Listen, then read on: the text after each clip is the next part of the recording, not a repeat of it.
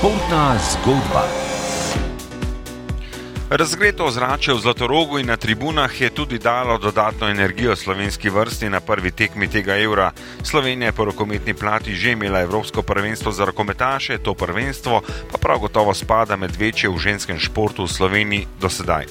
Danska se je na zadnjih največjih tekmovanjih znova prebila med najboljše ekipe, zato so želje po medalji na Evropskem prvenstvu velike strani skandinavske reprezentance. Slovenska vrsta se noči ni presenetila po igri, po rezultatski plati pač. Danska spada med rokometne vele sile, a Evropska prvenstva so zahtevna zaradi širokega spektra kvalitete, ne glede ali si del turnirja v Ljubljani, Celju, Skopju ali pa Podgorici. Slovenske rokometašice so v preteklosti zagrnile življenje marsikateri visoko postavljeni reprezentanci.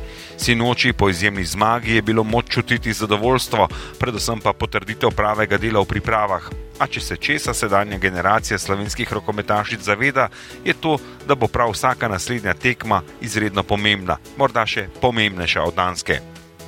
Domače prvenstvo seboj prinaša nekaj bremena, večjih pričakovanj.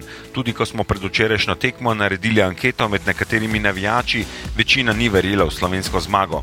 Prve tekme največjih tekmovanj prinesajo kar nekaj presenečenj, slovenske rokometašice po tekmi niso bile euforične, so bile vesele in zadovoljne. Prvi etapni cilj znotraj prvega dela turnirja je bil se noči dosežen, a po današnjem dnevu odmora jutri sledi tekma Švedsko, ki se je v vodni tekmi proti Srbiji pokazala kot izjemno čvrsta reprezentanca.